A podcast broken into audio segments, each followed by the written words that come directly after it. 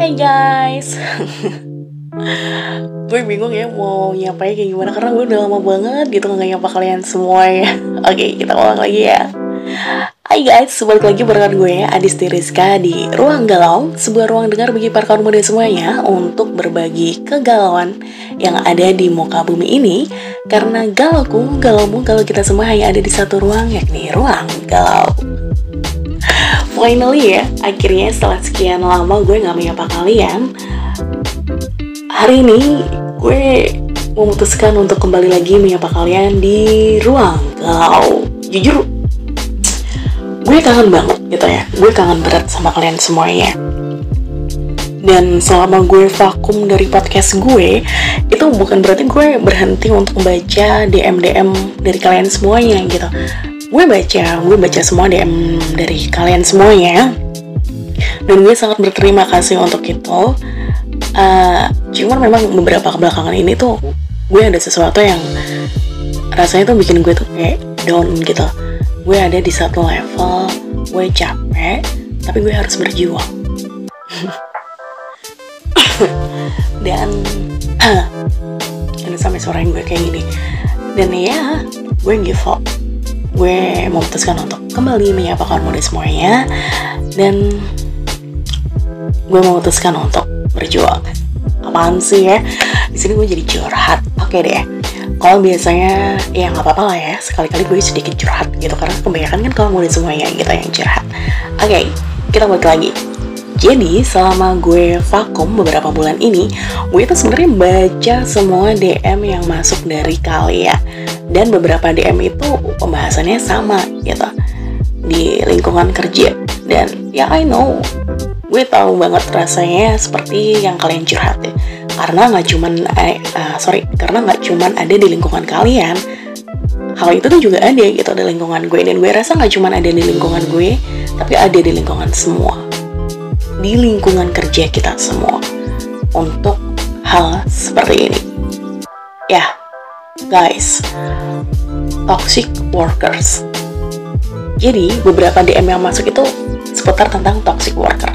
Nah, buat kalian semuanya yang pada belum tahu toxic worker ini apa, jadi toxic worker ini adalah sebuah lingkungan yang nggak nyaman di tempat kerja kita karena rekan kerja kita yang toxic buat kalian semuanya yang mungkin ngikutin gue dari awal, gue pernah banget nulis tentang toxic ya, bukan toxic relationship, tapi tentang rekan kerja yang toxic atau lebih kita kenal sebagai toxic partnership di lingkungan kerja kita.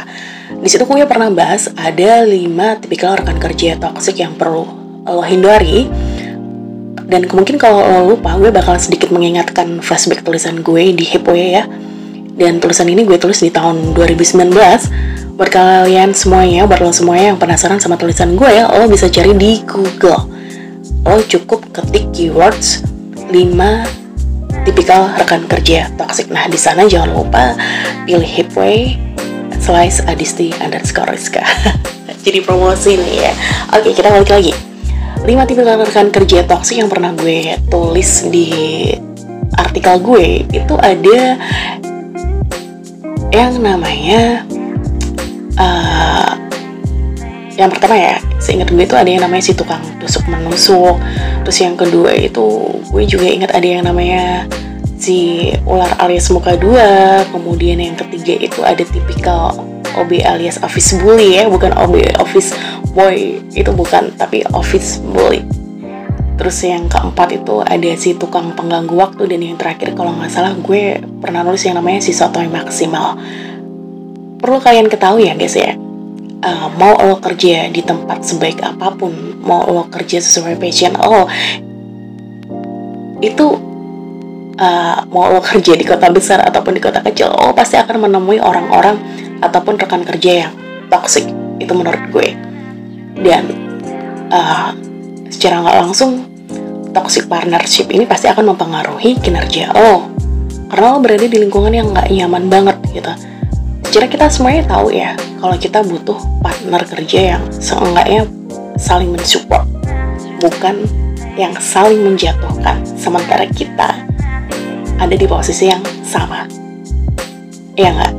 Kadang lo uh, jangan kan lo kadang di tempat beberapa pasti ada yang kata-kata ih gila dia muka dua banget cari duit sampai segitu ya padahal jabatan kita sama. Nah itu adalah salah satu efek dari toxic worker atau toxic partnership juga uh, karena gini ya guys beban kerja setiap karyawan itu beda-beda. Ketika kita ngerasa uh, beban kerja kita itu udah berat ditambah dengan rekan kerja yang enggak banget gitu.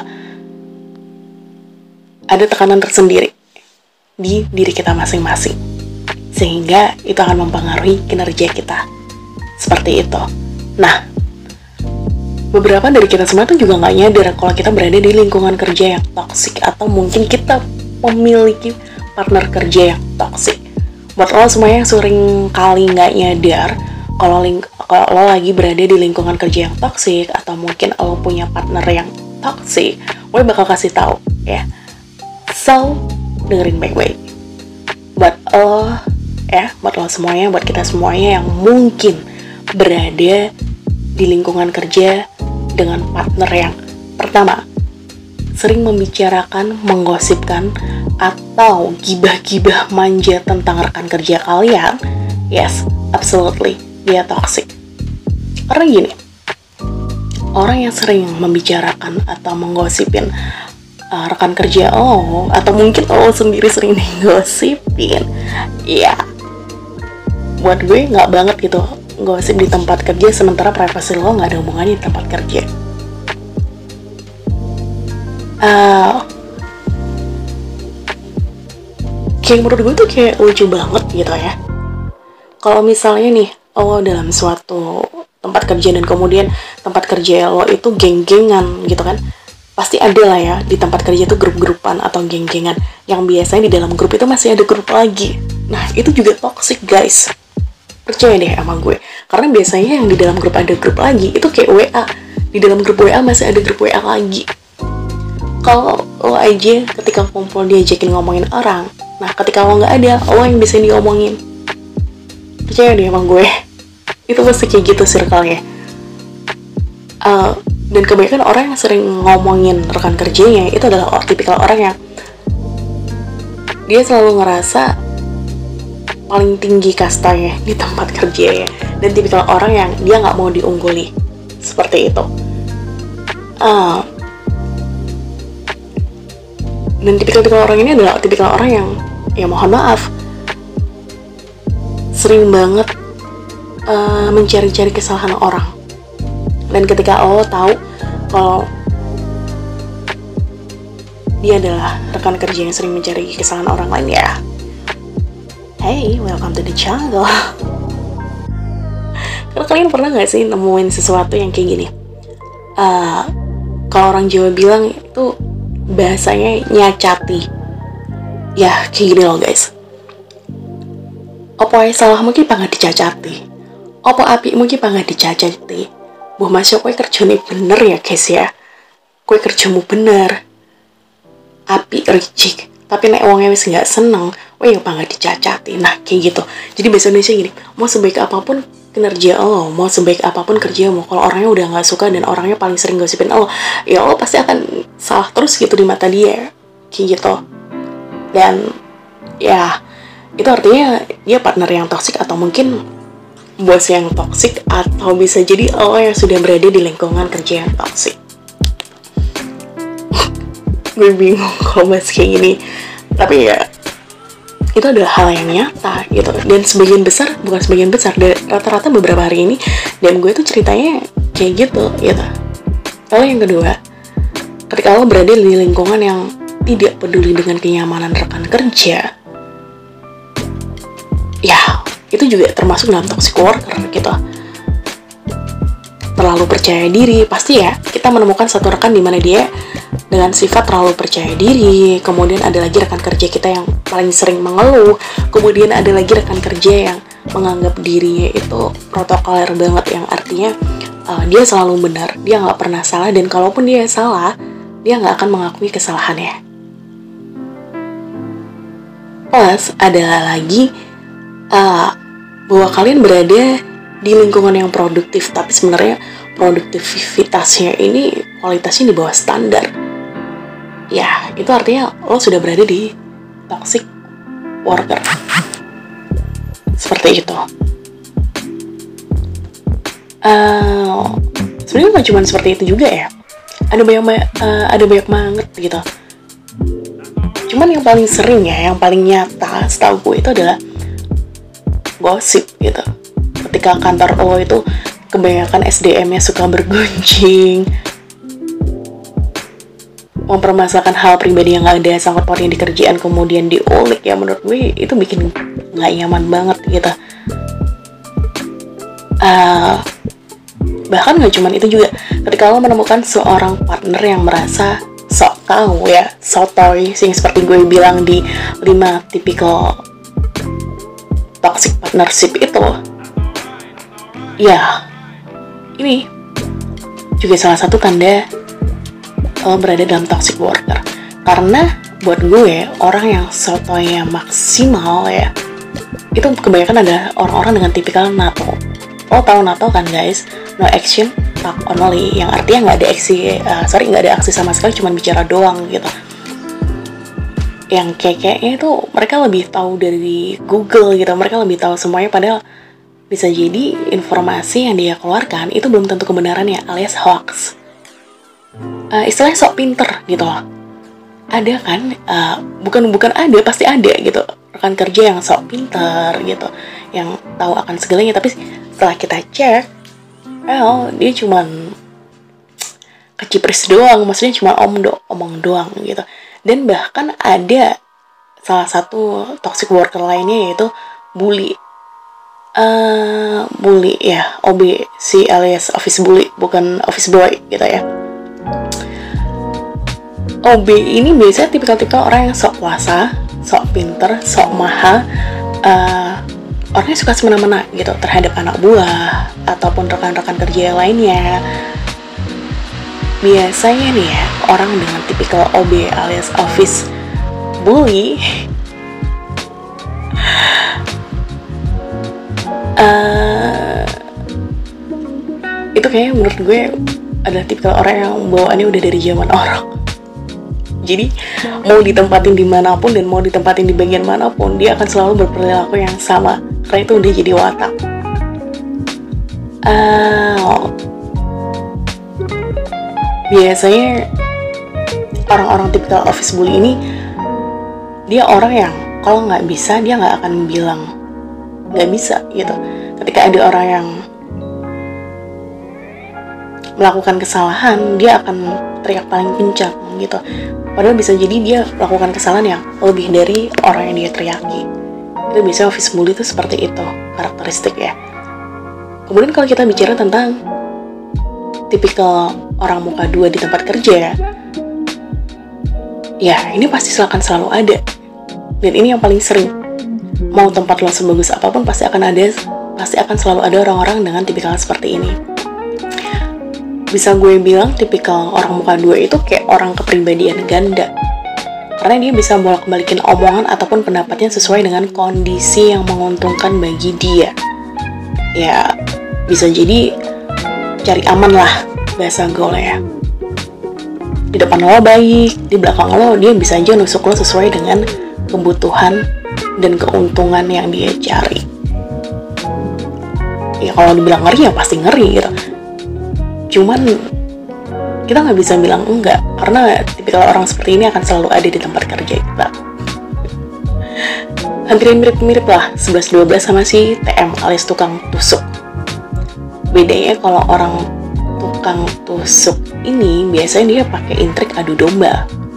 Entah antara Allah sama rekan kerja lo yang lainnya entah antara Allah dengan atasan. Nah ini dia masuk ke si tukang tusuk guys. Dan buat kalian semuanya ketika lo berada di tempat kerja seperti ini ya deh. Uh, sebenarnya buat gue itu bahaya.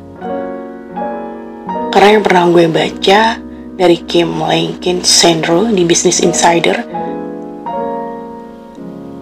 uh, karyawan beracun itu atau toxic worker atau toxic partnership itu adalah orang yang rupa-rupanya mental breakdown jadi dia bisa menghancurkan mental lo sehingga lo nggak fokus di tempat kerjaan lo ataupun tugas-tugas lo yang pada akhirnya itu akan mempengaruhi kinerja lo. Why? Karena di situ lo merasa nggak nyaman. Toxic worker itu kalau menurut gue pribadi kayak petaka yang bisa ngerogoti tubuh lo dan mindset lo secara perlahan-lahan gitu ya nggak munafik juga gitu. Kadang toxic worker itu bukan cuma datangnya dari rekan kerja kita. Bisa jadi toxic worker itu juga datang dari atasan kita. Karena tipikal orang itu beda-beda guys. Ada banyak uh, tipikal yang harus lo pelajari ketika lo ketemu dengan orang. Ya sisi kuantitas dan sisi kualitas itu kan pasti dua sisi yang berbeda gitu dan ketika lo mungkin saat ini sedang berada di toxic worker. How to manage toxic employees in organization ya kalau bisa gue bilang. Atau lo berada di ling nggak cuma berada di lingkungan toxic tapi lo ketemu dengan orang-orang yang toxic. Ya yang pertama lo coba deh uh, berteman secara general. Yang artinya lo berteman secara biasa aja. Sambil lo menga bukan mengapa sih ya mengamati perilaku dan tingkah laku mereka terutama masalah-masalah mereka. Karena gue yakin biasa orang-orang seperti itu adalah orang-orang yang juga memiliki masalah di belakangnya tapi berusaha untuk kayak inilah mengalihkan itu semua ke orang lain yang seakan-akan kita paling nggak benar sementara mereka adalah tiga orang yang benar. Gitu atau bisa jadi juga sih uh, ada masalah psikologis ya kalau buat kalau buat gue pribadi. Uh, jujur gue adalah orang yang berada di lingkungannya seperti itu gitu selama bertahun-tahun. Tapi gue berusaha untuk menerima bukan menerima yang artinya gue pasrah gue bisa di ini ya dibully gitu. Nggak juga sih tapi gue kalau gue boleh jujur gue pernah ngalamin itu semua. Gue pernah ngerasain bulian di tempat kerja gue pernah ngerasain digosipin di tempat kerja dan masih banyak lainnya. Sampai akhirnya gue ngerasa kayak karakter gue tuh dibunuh secara perlahan. Tapi gue berusaha untuk survive gue berusaha untuk ngerubah mindset gue karena ketika gue tidak bekerja sesuai dengan passion gue, sesuai dengan apa yang gue cintai, maka gue harus mencintai tempat kerja gue. Seperti itu. Gue tetap berusaha untuk berkembang sesuai porsi gue. Gue juga tetap terus uh, jangan lupa bersyukur ya. Karena kadang kehidupan atau tempat kerja yang sekarang kita inginkan itu yang kadang kita keluhin itu bisa jadi sesuatu yang diinginkan oleh orang lain gue coba untuk merubah mindsetnya jadi seperti itu itu ke diri gue sendiri walaupun gue tahu hal itu semuanya yang gue jelaskan tadi sangat-sangat mempengaruhi kinerja gue but ya gue berusaha untuk berdamai dengan itu semua karena ada beberapa hal yang perlu digarisbawahi yang pertama mau lo kerja di mana pun mau lo pindah kerja di mana pun lo pasti akan selalu menemui tipikal-tipikal toksik ini di tempat kerja mana pun maupun di daerah mana pun. Itu yang pertama. Ketika lo nggak bisa berdamai dengan tempat satu dan kemudian lo memilih untuk ke tempat dua, kemudian lo pengen resign lagi dengan alasan yang sama, ya artinya lo harus berdamai dengan diri dengan diri lo sendiri gitu. Karena mau lo pindah ke mana pun ya seperti gue bilang, akan selalu ada toxic worker ataupun toxic partnership di lingkungan lo. Seperti itu. Ya kalau dibilang bahaya bahaya sih. Cuman kita harus punya tameng untuk diri kita sendiri itu kalau buat gue. Hmm, salah satu tamengnya adalah dengan cara kita berdamai dengan lingkungan kita. Kita mencoba untuk penyesuaian aja gitu ya. Dan lo harus bisa ngefilter hal-hal baik di lingkungan lo. Kalau sekiranya itu nggak baik ya udah. Lo nggak perlu ambil pusing afirmasi ke diri lo sendiri bahwa lo adalah orang yang berharga bahwa lo adalah orang yang layak bahagia bahwa lo adalah orang yang layak diperhitungkan bahwa lo adalah orang yang layak untuk berkembang. Ketika lo tidak dihargai di tempat kerja lo ya udah nggak masalah. Lo terima baik-baik meskipun itu adalah hal yang menyakitkan tapi jangan sampai membuat lo merasa bahwa lo adalah orang yang nggak diinginkan. Stop it ya lo harus punya pikiran bahwa ketika lo merasa tidak diinginkan ketika lo merasa dibully ketika lo merasa memiliki partner atau rekan kerja yang tidak mendukung lo harus berusaha menerima diri lo lo harus sadar bahwa lo harus bisa ngafirmasi diri sendiri ya terutama bahwa lo adalah sosok yang patut untuk berkembang sosok yang patut untuk mendapatkan sesuatu yang lebih layak maka berkembanglah berkembanglah sesuai dengan passion lo berkembanglah sesuai dengan keinginan lo sesuai dengan prinsip hidup lo. Ketika lo sudah merasa bukan merasa ya ketika lo sudah mengetahui waktunya bahwa ini adalah waktu yang pas ya sudah. Gue rasa lo tahu lo harus bersikap bagaimana. Seperti itu. Oke deh guys sekian dulu ruang galau kita di episode yang kesekian kali ya. Jangan lupa buat lo semua yang pengen curhat dengan gue, lo bisa kirim DM di Instagram gue. Gue pasti bakalan bacain itu semuanya uh, dan gue bakalan pilih ya. Seperti itu. So guys gue Adis Teriska pamit undur diri dari ruang galau.